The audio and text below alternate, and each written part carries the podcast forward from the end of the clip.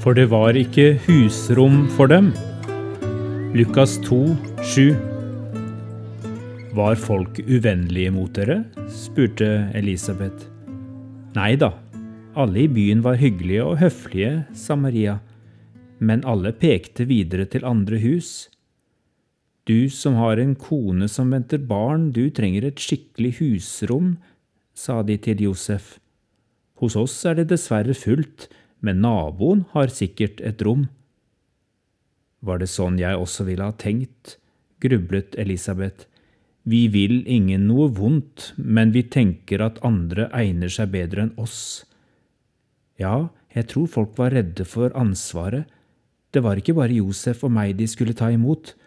Det var et lite barn på vei ut i livet. Ikke hvilket som helst barn, protesterte Elisabeth.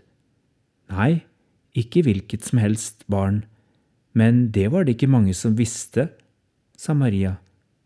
Og kanskje skammet noen seg over den fjerne slektningen Josef, han som hadde giftet seg i all hast.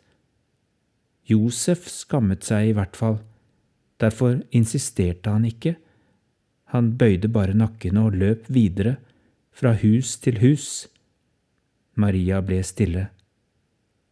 Han kom til sitt eget, men hans egne tok ikke imot ham, nynnet Elisabeth.